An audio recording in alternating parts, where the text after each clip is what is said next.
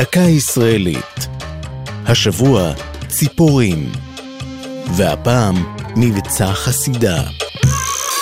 אני כותב לך בפעם האחרונה עליך לסדר משלוח על ידי אווירונים. כך כתב דוד בן גוריון, מנהיג היישוב העברי בארץ, לאהוד אבריאל, שליח המוסד לעלייה ב' באירופה.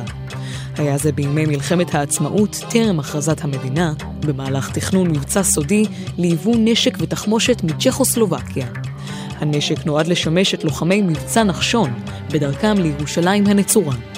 לצורך המבצע נחקר מטוס אמריקני ועליו הועמסו בצ'כיה 200 רובים, 40 מקלעים ו-150 אלף כדורי תחמושת. בליל 1 באפריל בשנת 1948 יצא לפועל מבצע חסידה. מעט אחרי חצות הגיעה בקשר הבשורה על הנחיתה הצפויה במשטח נטוש, סמוך לבאר טוביה.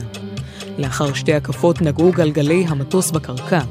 חיילי גבעתי שהוצבו במקום החלו לפרוק את המטען בהתרגשות, ובתום שעה ועשרים דקות המריאה החסידה בחזרה לפראג.